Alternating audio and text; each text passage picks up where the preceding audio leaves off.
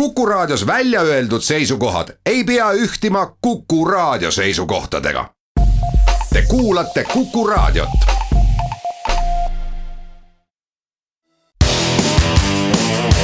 spordireporter. elus on mängu, mängus on elu. Unibet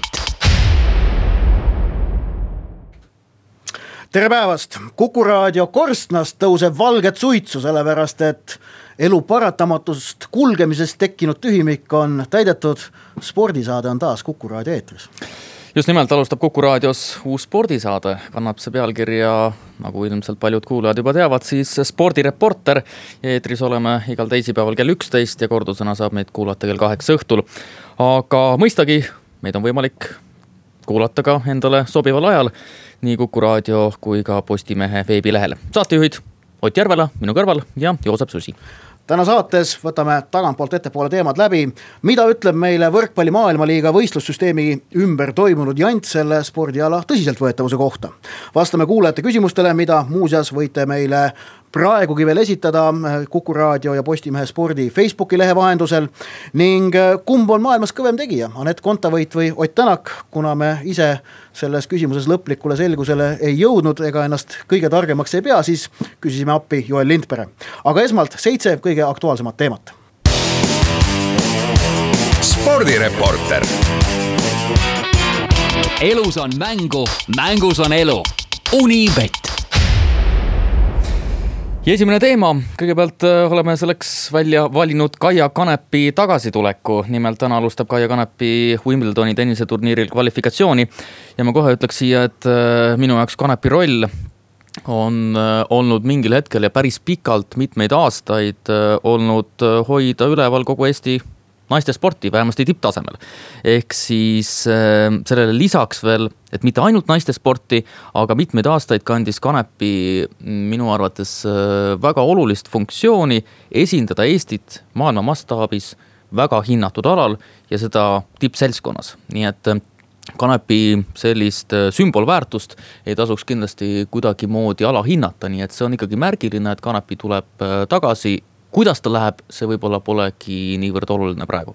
Nojah, see vaimustus muidugi, mis näiteks praegu on Anett Kontaveidi ümber, mis on muidugi täiesti mõistetav, aga kahtlemata Kanepi kunagine edu, kui tema mängis ka suure slam'i turniiridel veerandfinaalides suisa, see aitab sellele kaasa. nüüd on muidugi väga huvitav näha, kuidas Kanepil Wimbledonis läheb, Toomas Leius tänases Postimehes ütles näiteks, et et mingid märgid on nagu päris head, et kui Kanepil võimas serv töötab, siis Wimbledonis, kus ütleme, turniiri algfaasis on need muruväljakud eriti kiire põrkega, sest muru pole veel ära kulunud, siis seal alguses võib võimsa serviga päris kenasti lammutada ja edasi jõuda, kui oleks meil kaks Eesti naismängijat Wimbledoni põhitabelis, see oleks küll nagu selline kingitus selgest taevast jah, aga tuletaks meelde, et kui Kanepi oli ka tippseltskonnas, siis ta oli ikkagi ähm, tähelepanuväärne ses osas, et ta oli väga ebastabiilne, et see mingil hetkel võis tulla väga väga korralik pauk, aga mingil hetkel äh, noh, toimus selline loomulik hääbumine. no oleme valmis ka selleks, teine teema, Venemaade jalgpallikoondise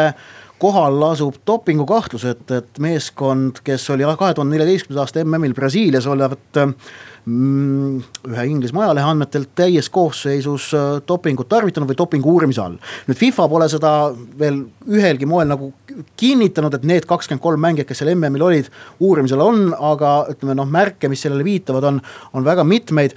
nüüd meil on kas, kas mult eile kohe küsiti, et kas see nüüd tähendab, et Venemaa jalgpallikoondis võetakse mingilt turniirilt maha, seda peab ütlema, et see, seda nagu noh, tagantjärele nad võidakse teoorias diskvalifitseerida kahe tuhande neljateistkümnenda aasta MM-ilt, aga selle üle oleksid nad ainult õnnelikud. sellepärast noh, siis ei jääks kirja neid ebameeldivaid ja kohati piinlikke tulemusi, mis nad seal näitasid, on ju ähm, ja, ja koduvabariigis aga... kindlasti keegi ei pane neile seda ka pahaks, jah ja., ma arvan, ja, ja kindlasti tuleb rõhutada, et nii mõnedki mängijad, täpsemalt siis ilmselt viis mängijat, on ka praegu maailmajagude karikaturniiril Venemaa koosseisus ja,. jah, jah, aga järgmise aasta MM-ilt Venemaa eemaldamine on selle, seetõttu keeruline, et Venemaal endal see MM toimub ja FIFA poliitilist olukorda vaadates ei paista küll praegu kuskilt ei tahet ega ka sellist juriidilist varianti, millega ikkagi Venemaalt selle MM-i ära saaks või võiks võtta. Katar kaks tuhat kakskümmend kaks on, on natukene teine teema, aga sinna on veel aega ka. mina ütleks mõlema kohta ei, ei, mitte mingil juhul ei tohiks Venemaalt korraldusõigust äh, ära võtta, see ei puuduta absoluutselt jalgpalli. aga, aga kindlasti. põhjenda, põhjenda. Ehm, puhtalt seetõttu, et ehm, üldiselt see nõue, et Venemaalt turniir ära võetakse, ehm, seisneb jalgpallivälistes asjaoludes ja sinna ei tohi, selle põhjalt ei tohi FIFA otsuseid äh, vastu võtta. see on minu raudne seisukoht ja minu arvates, kui Venemaale on see juba antud noh, mingis mõttes ikkagi demokraatlike valimiste teel, siis Venemaale peab see ka jääma, sõltumata ka sellest, missugune on nende sportlik tase, missugune on poliitiline olukord Venemaal ja nõnda edasi. aga ma ikkagi rõhutaksin siin seda, et jalgpalli puhul dopingu kasutamine või keelatud ainete mm, tarvitamise kasutegur on tulemus silmas pidades oluliselt väiksema tähtsusega, kui seda on individuaalaladel. ja noh, selles mõttes, et mõneprotsendiline sportlase füüsilise seisundi edasiminek meeskondlikul alal, eriti kus on platsil üksteist sportlast ja kus niivõrd oluline roll on meeskondlikkusel, on niivõrd väikene ja ajudopingut pole veel leiutatud. just nimelt ja ka meeskondlikkuse dopingut, noh ilmselt midagi on, aga, aga, aga siiski. kolmas teema Daniel Ricciardo võit Baku Grand Prix'l vormel üks sarjas. võiks öelda, et tegelikult olulisem oli pigem ikkagi see, et Baku etapp oli üle pika aja no ikka väga-väga põnev, seal äh, juhtus äh, meeletult palju. ja minu jaoks kõige olulisem hetk oli mõistagi nagu ka paljude spordisõprade jaoks äh, Sebastian Vetteli käitumine Lewis Hamiltoni ka võideldes, ehk siis äh, meelde tuli kohe pilt äh, ajast, kui äh, David Coulthard võitles Michael Schumacheriga, Coulthard oli vihmasajus jäänud ringi jagu maha ja Schumacher siis selges liidri rollis olles sõitis talle tagant sisse ja paremisi rehv tuli alt. ja ma mäletan seda Schumacheri reaktsiooni pärast. ta oli maru vihane, läks McLareni boksi ja tahtis Coulthardile peksa anda. eks minu jaoks on siin küsimus, et mis noh missugune võiks olla selline spordimehelik käitumine sellistes situatsioonides, Vettel oma seal kindlasti ei olnud minu meelest on käimasolev vormelihooaeg lihtsalt imeline vaatemäng ja, ja mul on mitu korda seda Vettel Hamilton madistamist nüüd selle hoo poole aasta jooksul peaaegu on ju. vaadates meelde tulnud ikkagi see aeg, kui Mika Häkkinen ja Michal Schumacher, minu äh, ütleme lapsepõlve kangelased ja ma olin alati Häkkineni poolt kusjuures. olin alati Schumacheri poolt. oma, omavahel madistasid ja, ja, ja noh, sellega siis omakorda tulevad järgmised sellised meenutused tulevad meelde sellest, kuidas Mati Küllönen MTV3 kanalil kõike seda asja niimoodi ülimalt äh, värvikalt ja emotsionaalselt vahendas ning, ning äh, siinkohal, kuna meil on saade on spordireporter, siis spordireporterist rittest ja spordireporterlikkusest rääkides, et kui Andero Merderandat peetakse meil Läänemere kallaste parimaks ja noh, noh, no eks ta ikka ole ka, ega tegelikult Mati Küllönen talle väga alla ei jäänud oma selle poeesia ja kujundlikkuse poolt, poolest. aga neljas teema ning Rakvere Tarvast äh, enam ei ole. Rakvere Tarvas on surnud, löödud maha, aga Eesti korvpalli meistriliiga peab nüüd otsustama, kas nad võtavad endale sinna uue satsi asemele või mitte Äh, Rakverest. jah, aga see Tarva kadumine mu meelest on selline sümptomaatiline, ehk siis äh, minu arvates see praegu hakkab äh, retrospektiivselt või siis tagasiulatuvalt ka andma hinnangut kogu Rakvere korvpalli tegevusele. ehk siis minu jaoks ikkagi ilmneb see, kuivõrd nagu pealispindselt on, on lähenetud entusiasmipõhiselt, ma ütleksin. väga tugev entusiasm on olnud saada tulemust, aga sportlik edu tulemuse põhjal on olnud selline ainus eesmärk, ehk siis sa viidad, viitad. sügavust pole, sügavust pole. viitad tühja kesta sündroomile. jah, just nimelt okei okay., viies teema, maailmajagude karikaturniiri poolfinaalides kohtuvad meil Portugal, Tšiili ja Saksamaa, Mehhiko. ja me just enne saadet vaatasime äh, spordiennustusi ja kergelt äh, on äh, Saksamaa favoriidiseisuses, aga väga palju Portugal alla ei jää. Saksamaa või ütleme, see favoriidiseisus on natukene üllatav, aga Portugal-Saksamaa finaali oodatakse. muidugi, sest et see, on, see on see finaal, mis eelmine aasta EM-il tegelikult nägemata jäi. ma mäletan ise, kuidas Marseille's vaatasin poolfinaali Saksamaa-Prantsusmaa, eelmine õhtu oli, oli Portugal Lyonis Walesi selgelt selili pannud. Äh, Marseille's oli Prantsusmaa-Saksamaa mäng ja terve esimene poolek Saksamaa ju surus Prantsusmaad. ja ainukene häda oli see, et neil oli Maarja, Maarja Goomest seal ees ei olnud ja ei olnud midagi ei, ei olnud mees, kes ära lõi, Saksamaa mängis tolle mängu briljantselt, aga kaotas. ja Saksamaa-Portugal finaal oleks olnud tegelikult eelmise aasta EM-i, ma arvan, kahe kõige parema meeskonna finaal. ei Horvaatia, Horvaatia oli kõige parem meeskond minu arvates äh, turniiril ja see, kuidas nad Portugali vastu välja kukkusid, no see oli katastroof, ma ütlen, no, no nii kahju oli Horv-, Horvaatiast, Horvaatia oli niivõrd tugev. aga sellest äh, jalgpallist räägime siin lähinädalatel kindlasti palju ja ka maailmajagude karikaturniiril, aga kuues teema ja eestlasi kindlasti oluliselt puudutav teema, kas Poola ralli on eestlaste silmis üle võtnud koha, mis varem kuulus Soome rallile? Ott? See huvit-, no see, see, seda saab öelda umbes siis, kui me oleme saanud teada, palju eestlasi sinna Poola on sõitnud või sõitmas ja sel nädalavahetusel Ott Tänakule kaasa elavad, aga aga noh, jah, kunagi ju Soomes käis vist üle kümne tuhande eestlase. no pea kaks, pea kakskümmend tuhat jah, ja ma mäletan seda Soome mm, televisiooni reklaami, Marko, kus sa oled, jah, mäletad seda? jah, et äh, ütleme, äh, Soome ralli mm, ka võistlejate, sõitjate noh, hinnangul pikka aega oli ikkagi see number üks, aga, aga nüüd äh, millegipärast vähemasti Eesti meedia on Poola rallit kuidagi sinna kõrvale hakanud äh, sättima. Nii on, seitsmes teema, Anett Kontaveit ja ütleme ka, et me need teemad valisime natukene sellest tulenevalt, mis uudised Postimehe spordis eelmisel nädala jooksul kõige rohkem lugejate tähelepanu köitsid ja väga palju läks lugejatele korda lugu, kus selgus, et Anett Kontaveit teenis Hertogenboschi turniirivõidu eest kolm korda vähem raha kui samal turniiril äh, meestevõistluse võitnud äh, äh tennisiste. on see õiglane? No ma ei tea, ma ütleks selle kohta, et paljud alad on väga kunstlikult, väga kunstlikult äh, hakanud äh, auhinnarahasid äh, ühtlustama. aga samas ju kõik annavad aru, et ütleme, publiku auditooriumi huvi meeste ja naiste võistluste vastu on radikaalselt erinev. ikkagi suurusjärk on hoopis teistsugune. ja, ja ka need summad, mida noh, kasvõi sponsorite kaudu või huvi kaudu mehed ja naised siis võistlustele, aladele sisse toovad, on natukene teistsuguses kaalukategoorias kuigi jah, näiteks need kergejõustiku teemantliiga või suusatamise MK-etapid, mehed ja naised saavad igati võrdseid auhinnarahasid, see on nagu fakt. jah, see on. samas on see, et, et teemantliigas noh, meeste saja meetri, meeste saja meetri jooks on huvitavam kui naiste saja meetri jooks aga kõrgushüppes võib asi olla hoopis vastupidi. ja me just vaatasime, et teemantliiga üks etapp annab kümme tuhat, äh, finaaletapp viiskümmend tuhat ja Rasmus Mägi hakkab sellele pretendeerima. ja, aga nüüd läheme reklaamipausile, kus näastes jätkame Anett Kontaveidi tegemiste lahkamist ja kõrvutame teda hetke teise Eesti kõige kuumema sportlase Ott Tänakuga. spordireporter. elus on mängu, mängus on elu. Unibet.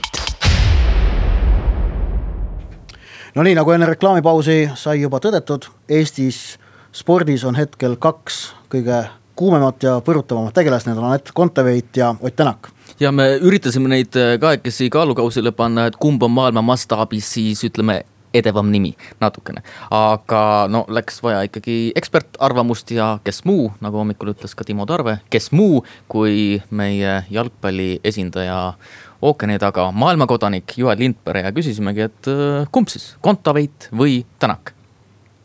ma võin sulle kohe konkreetselt öelda, et USA-s äh, rallisport on puhtalt NASCAR.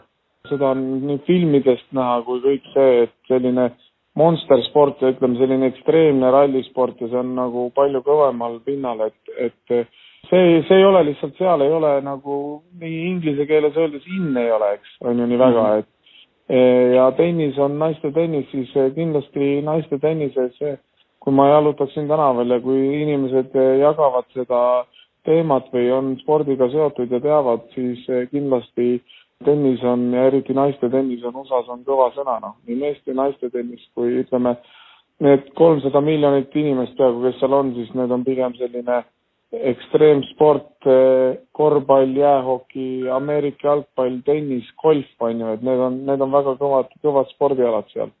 ma ise käisin ju ka US Openil, kui Kaia Kanepil, kuna seal mängis, et tennis ja golf ja kõik sellised alad on, Eestis on, ütleme, nad sellised Eh, oma mastaabis, aga maailma, maailmavaates on nad ikka, USA-s on samamoodi väga suurelt ja ja ma arvan, jälgitakse väga palju, ollakse kursis, et mina ütlen selle peale, et Eesti on väike konnatiik võrreldes maailmaga ja midagi pole teha, et mujal maailmas on ikkagi see promo ja reklaam ja huvi, huvi on spordi ja kogu selle vastu rohkem, kuigi ma kujutan ette, et praegu on ikkagi selline periood, kus eh, on, on jälgida nii võrkpalli, jalgpalli ja rallit ja tennist, et kõike, kus inimestel läheb see korda ja oma, oma tutvusringkonnas tean ka, kui palju on, on positiivset ja vastu ka inimesed tahavad ja jälgivad ning elavad kaasa.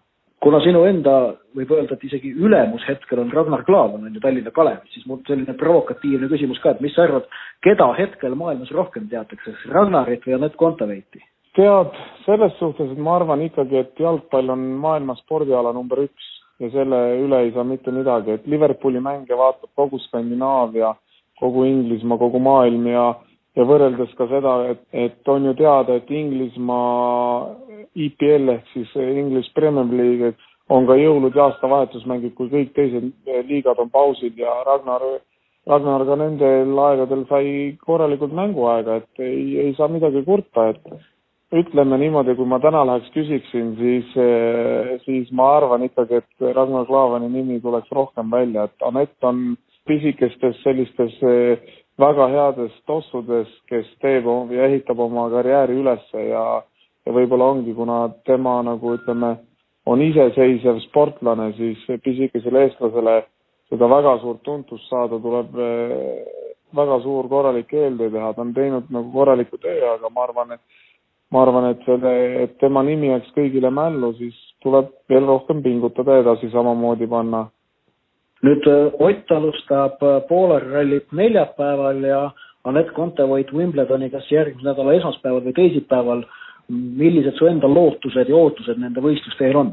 olles asjaga päris kursis, siis tean, et Anett viimasele võistlusele, kus siin nüüd Prantsusmaa või kus ta ei läinud, et jättis vahele, et võtab väikse puhkuse, siis ütleme sportlasena, endise sportlasena, tippsportlasena mul on nagu raske öelda, et selline vahel selline hea hoo pealt mingi kerge puhkus teha võib sul tõmmata nagu augu sisse.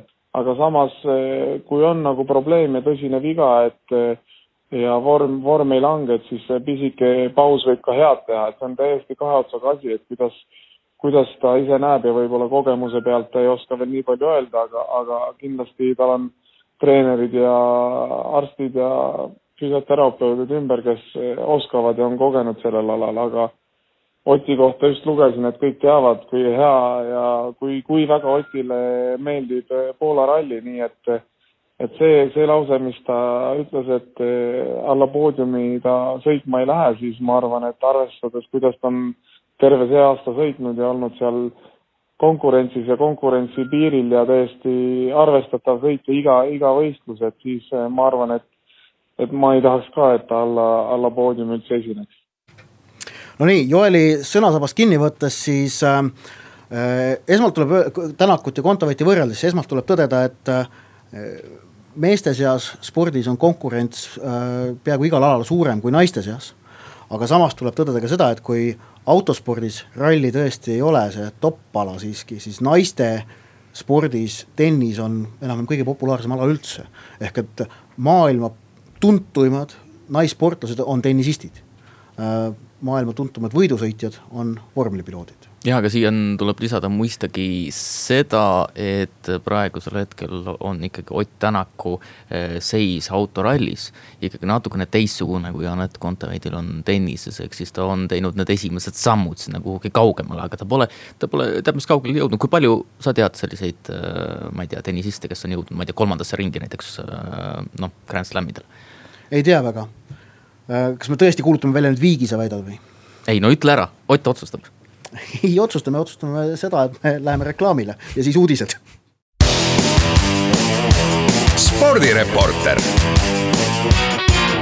elus on mängu, mängus on elu. Unibet. Nonii, spordireporter jätkab ning äh, vaatamata lühikesele etteteatamise ajale on meile laekunud äh, meeldiv ports kuulajate küsimusi ja pärimusi ning kõige pakilisem teema otse loomulikult igasuguse kahtluseta hõberemmelgas. mida, Joosep, sina sellest hõberemmelga asjast arvad, kuidas see, mida see ütleb Eesti spordile? Mina ütleks, et äh, ütleme, tervisespordi seisukohalt on tegemist üliolulise sellise äh, propagandaüritusega. ja kindlasti tuleb ikkagi suure lugupidamisega suhtuda sellesse, et mõni inimene suudab niivõrd kaua seal puu otsas istuda. jah, ja vaadates veel eriti ilma ja rääkides sellest, et näiteks Eesti jalgpalli meistrivõistlustel või kõikidel üritustel, kus äh, võistlus toimub väljas, inimesed ei, ei suuda kohale minna, sellepärast et nii külm ilm on. mina näen siin hoopis teistsugust ikkagi varianti äratada, ütleme elule Eestis üks spordiala, mis elab edasi ainult äh, vanema põlvkonna võimlemisõpetajate toel ehk riistvõimlemine. sellepärast, et kui see tegelane, kes seal puu otsas täna turnis, panna rööbaspuudele, siis mine tea, äkki võib resultaat olla päris hea. ja, aga üks neist on juba alla andnud, kaotanud ja üks on jäänud jätkuvalt praegu Õismäele hõberemmelga otsa. ei ole, mõlemad, mõlemad on maha. uudiseid ei kuulanud sa? ja, ja tegelesid sel ajal ebasportlike tegevustega. nii, äh, teine küsimus või teine teema, mida meie kohta uuritakse, on Eesti jalgpalliklubide eurosarja mängud, mis siis täna algavad, kui FC Infonet mängib Maltal FC Hibernians nimelise klubiga ning jätkuvad neljapäeval, kui Euroopa liigas on võistlus tulemas nii FC Flora, FC Levadia kui ka Nõmme Kalju. mitu klubi edasi saab, Joosep? Ma ei taha nii öelda, minu jaoks ikkagi Miks? kõige olulisem küsimus kõigepealt on see, kas FC Flora suudab edasi minna või mitte. Ehm, FC Flora ei lähe mitte kunagi eurosarjast edasi ja kui on läinud ükskord, ükskord kõikide nende aastate jooksul. nii, nii mängisid nad Oslo Lünniga kaks korda, kaks korda viiki. noh, ehm, aga edasi, ütleme nii, et positiivne oleks see, kui vähemalt pooled neist saaksid edasi ütleme, vaadates ka vastaseid. ma arvan, et see on äh,, ei ole üleliia optimistlik äh, minu meelest latt, mida tule, mis tuleks nagu Eesti jalgpalliklubidele seada, mis puhul võiks esi, hinnata sooritust hindega hea või äkki noh, äkki isegi väga hea, igatahes rahuldavast kõrgemalt on see, et ikkagi kolm klubi peavad esimesest ringist edasi saama. sest et äh, Nõmme Kalju vastaseks on Fääri saarte klubi, Infoneti vastaseks on Malta klubi.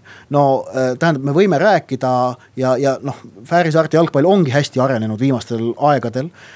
ja, ja Malta klubi ei ole ka nüüd täitsa selle samuse pealt riisutud, aga noh, need on lihtsalt kohad, kus tuleb võita. ning äh, Flora ja Levadia kahe peale peavad ka emb-kumb peab edasi saama, aga Flora puhul jah, et kui nad äh, noh, kui nad nüüd ka edasi ei saa et siis, siis tekib küsimus, mida nad veel peaksid proovima ja kuidas Ott, sa oled vist kümme aastat rääkinud sama juttu enne no. igat eurosarja algust, kui nad nüüd ka edasi ei saa ja ikka iga, ei saa. iga kord ei ole rääkinud, siis kui nad mängisid äh, seal mingi tugeva satsiga, siis ma ei rääkinud seda, aga see Tom Jale noh, võiks ju.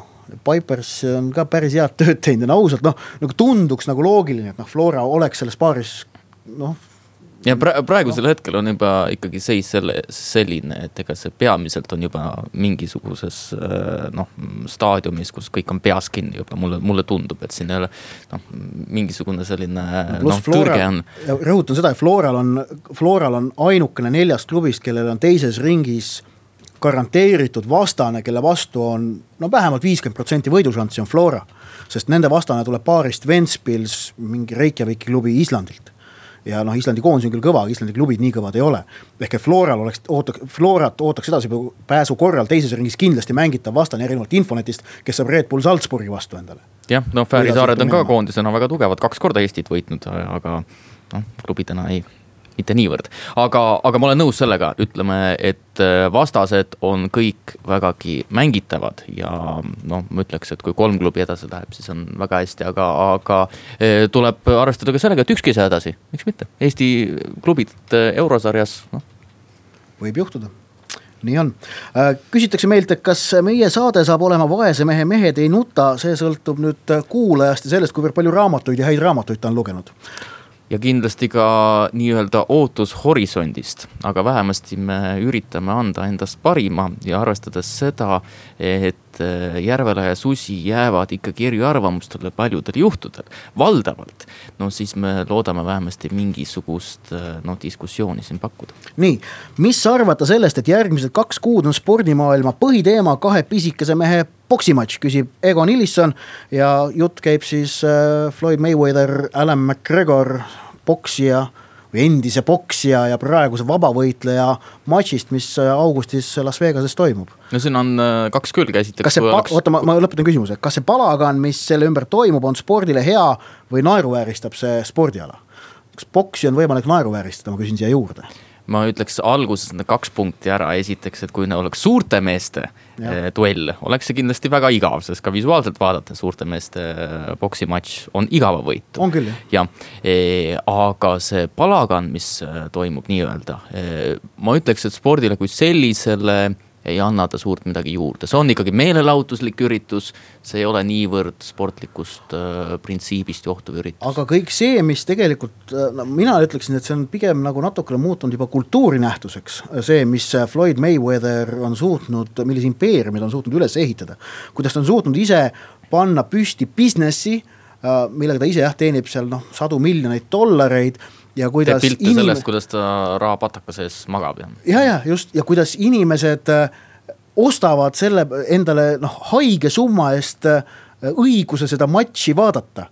Äh, turunduslikult loomulikult. see, see on, see on. suur edukäik, tore aga puhtalt spordi olemust vaadates minu arvates see ei anna spordile kui sellisele midagi juurde, see on üks sündmus, millele hakatakse üles ehitama suuremat, laiemat pinda.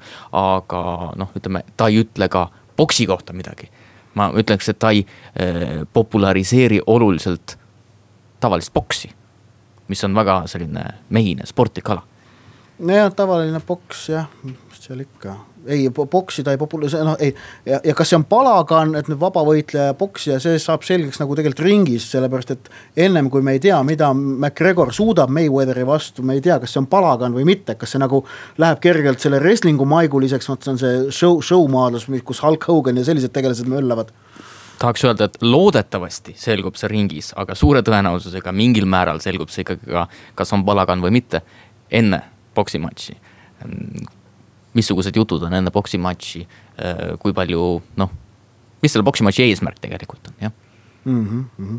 nii ja videokorduste kohta küsitakse meilt ka, videokordused jalgpallis äh, maailmajagude karikaturniiri senise näite põhjal. mina olen jätkuvalt veendunud, et järgmise aasta MM-il me näeme ka videokordusi ja kohtunikke äh,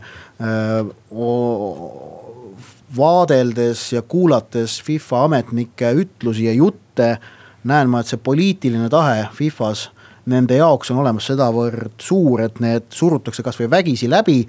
kuigi ka eile möönis Massimo Busaka, FIFA põhimõtteliselt kohtunike boss, keda tõsi küll varsti Pierluigi Collina asendab. et, et süsteem on täiuslikkusest kaugel ja seda see mm maailmajagude karikaturniir on ka näidanud. ma kirjutasin tänases Postimehes on lugu ka, kus ma kirjutan, mida ma tahan, et, et seal tuleks peakohtunikul tuleb see otsustusõigus ära võtta ajaline piir panna ja noh, veel nipet-näpet teha, aga noh, see on selge, et see on jalgpalli tulevik minu meelest. minu seisukoht on ikkagi väga selgelt ei igasugustele videokordustele, loomulikkus, traditsionaalsus on jalgpalli kese ja vaadates sama situatsioon äh,. suluseisu ei olnud, kohtunik vilistab suluseisu ära, mängijad äh, peatavad kinni, nii. ei ole võimalik videokordust seal Äh, Nii. uuesti üle vaadata, ei mm -hmm. ole.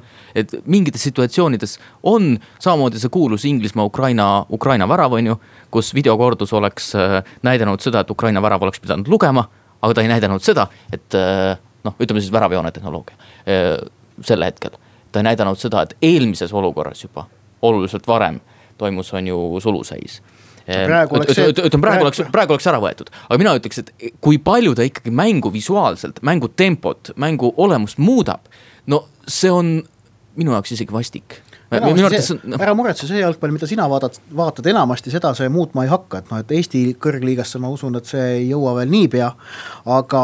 no ma vaatan ka Inglismaa neljandat liigat näiteks, noh no, no, sinna võib tulla järsku. sinna no. ma arvan ka pigem ei tule, Inglismaa esiliigasse võib juba tulla, aga lihtsalt siin ei, ei, mulle meeldib ikka see ütlus, et, et sülele muutusi või lepi ajast mahajäämisega ja see jalgpall on aru saanud, et nad peavad sedasama tegema ja nad vist kavatsevadki seda teha.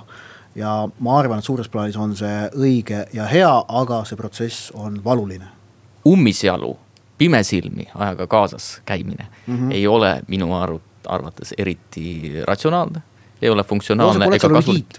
kuidas? oled sa ludiit?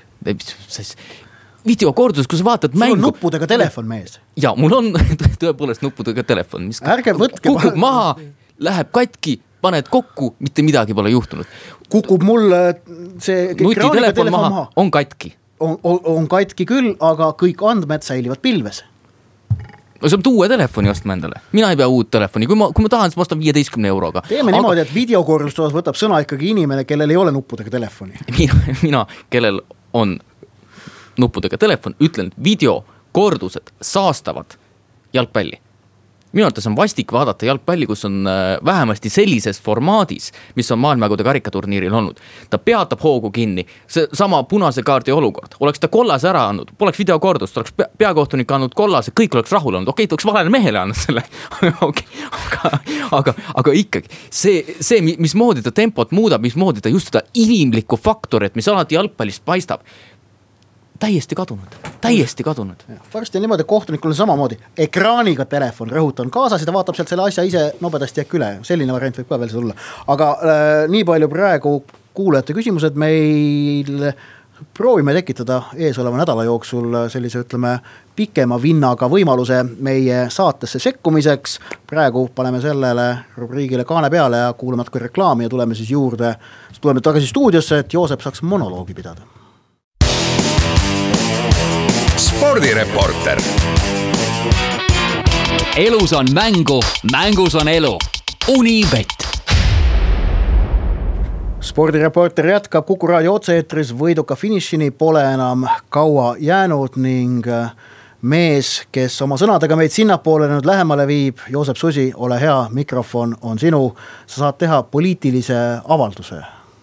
just nimelt, Susi lühikene monoloog ja mõttearendus siis äh, tõukub sekeldustest võrkpalli maailmaliiga süsteemi ümber. Äh, nimelt ajal, kui Eesti võrkpallikoondis pidas edukalt lõppenud äh, maailmaliiga kohtumisi, polnud nimelt selge, missuguse formaadiga mängitakse tuleval aastal.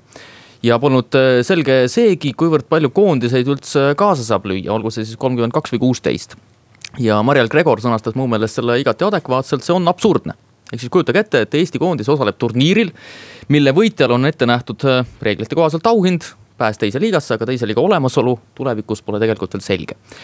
nii et äh, minu jaoks näib, et võrkpalli asju kõige kõrgemal tasandil aetakse väga primitiivse, nähtava kasumi põhise loogika alusel aga spordis, nagu ka teiste nähtuste puhul, kipub olema ikkagi nii, et kõige olulisem, kõige kesksemad väärtused, kõige suurem kasu isegi ei ole alati silmaga esialgu nähtavad ja toon koolielust näiteks ühe näite.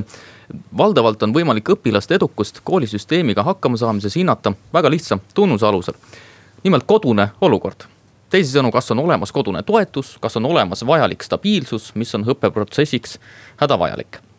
ja stabiilne keskkond, mis hoiaks kinni traditsioonidest, põhistaks neid, teisendaks, looks uusi, on spordiala jaoks hädavajalikud kõige viljakamalt ja sügavamalt eri tasanditel areneb sport just nimelt olukorras, kus rahvuslikud alaliidud saavad toetuda kindlale, kindla ülesehituse ja väärtustega alaliidule. ja siis saavad olla kindlad ka sportlased, see näitab ala sisu. Ja kui mõelda, et kuidas peaks meie võrkpalliliit käituma, siis polegi midagi teha, tuleb lihtsalt oodata, edasisi plaane ei saa kindlalt paika panna, sportlased ei tea. Ja mis kõige hullem, pidevalt käib kaasas teadmine, et on võimalik, et midagi jälle muudetakse ja mulle meenub kohe kaks tuhat kaksteist aasta lõpp, kui Fiba otsustas järsku, et korvpalli mm lükkub aasta jagu edasi. EM-i hakatakse järsku korraldama nelja aasta tagant. eurooplased natukene vaidlesid, aga väike seltskond tegi selle ikkagi ära. ja meenub ka olukord, kui Euroopa või jah, tiitlivõistluste finaalturniirile oli korvpallis võimalik osta koht. võimalik on tiitlivõistlustele osta koht. lisaks meenub muidugi ka korvpalli Balti liiga. nii et missugusest stabiilsusest, missugustest traditsioonidest siin üldse rääkida saab ja minu arvates me räägime siin pelgast nähtavale kasule orienteeritud mõtteviisist, mis ei sea mitte mingisuguseid pikemaajalisi sisulisi plaane. mis ei ole nõus tegema ühtegi sammu tagasi, et minna kaks edasi, nui neljaks edasi, see on süsteemi ainus loogika. ja kui me küsime, et missugused spordialad on maailma mastaabis praegu kõige prominentsemad. tennis, jalgpall, korvpallis näiteks NBA, ka golf. Aga need alad on ülistabiilsed reegleid, võistlusmäärusi, võistlussüsteeme muudetakse väga harva väga,, väga-väga harva. ja mis kõige olulisem, mõeldakse oma juurtele, traditsioonidele.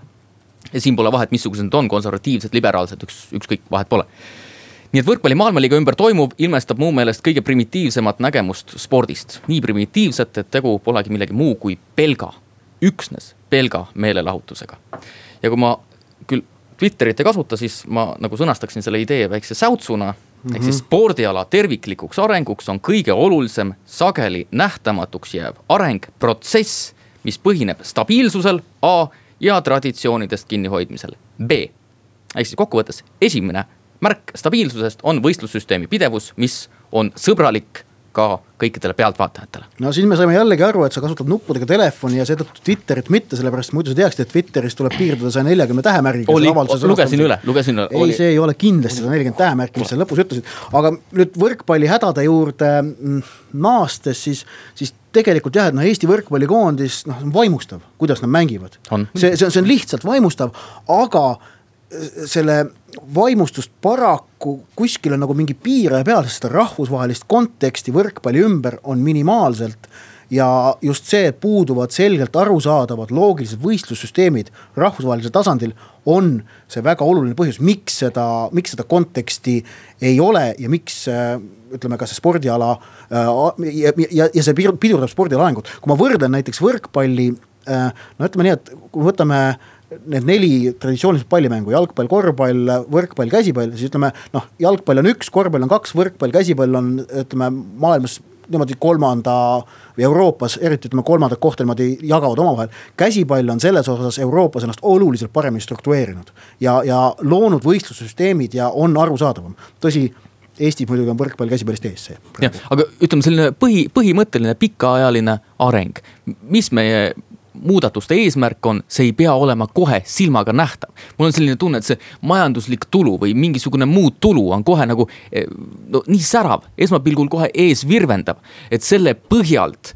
noh, ütleme pimestunult tehakse otsuseid aga jalg, ütleme, jalg, jalgpall vaatab üheksa aastat perspektiivi. tiitlivõistluste MM... eh, süsteem peaks olema ikkagi tehtud umbes sellise küsimusega, et kuhu me tahame jõuda kahekümne aasta pärast või missugune no, seis peaks olema kahekümne no, aasta pärast nagu,, mitte sellepärast, et praegu tundub, et raha tuleb rohkem, teeme muud no,. sest nagu jalgpall praegu, et äh, praegu pandi paika, kuidas kaks tuhat kakskümmend kuus mm mängitakse. no see on suhteliselt mõistlik ajaline perspektiiv. kindlasti, jah äh, iseasi, kas me oleme sellega nõus, et mm laiendatakse, see on teine küsimus mõnes teises saates. nüüd aga saatejuhtide ehk minu ja sinu, Joosep, soovitused spordisõpradele eelolevaks nädalaks, mida vaadata mina ütlen kindlasti vaadata pühapäevast jalgpalli maailmajagude karikaturniiri finaali Sankt-Peterburis, kus loodetavasti kohtuvad Saksamaa ja Portugal. loodan seda mängu ka ise koha peal vaadata jah, kuna ma olen väga suur jalgpallisõber, siis tahtsin ka soovitada midagi jalgpalliga seoses võib-olla alguses, aga kuna Ott võttis selle ära, siis minu ainus perspektiiv, ainus ütleme tingimus oli see, et inimesed saaksid koha peale minna vaatama. ja sellel nädalal toimuvad orienteerumise maailmameistri võistlused Eestis, Lõuna-Eestis. minge kahekümne üheksandast juunist Lõuna-Eestisse, Tartusse, elage kaasa, tõeline sport. nii, aga kuna õiges spordisaates peab olema ka muusika, siis pühendame järgmise pala kõigile Eesti rallifännidele, kes on juba teel või asuvad peagi teele Poola poole, hing pakatamas lootusest ja elurõõmust spordireporter on uuesti eetris nädala pärast, teisipäeval kell üksteist ning kuna Susi on täna juba väga palju äh, siin saates rääkinud, siis anname need äh, lõpulaulusõnad hundile. ma olen juht, ma olen autojuht ja keegi mind kinni ei pea, sest iga liiklusmärki ja iga autovärki ma täpselt tean ja meeles pean rattad aina vurisevad, vurisevad, vurisevad, kummid aina surisevad, kummid surisevad. müüring kostab, kuule, kas sa siis ei kuule?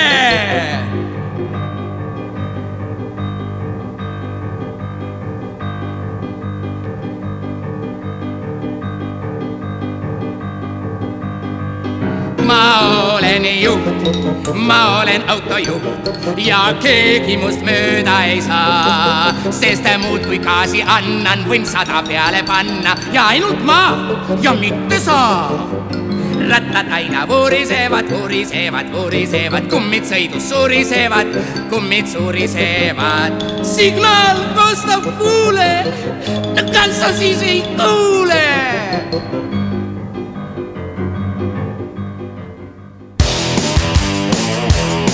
Spordireporter. elus on mängu, mängus on elu. Unibet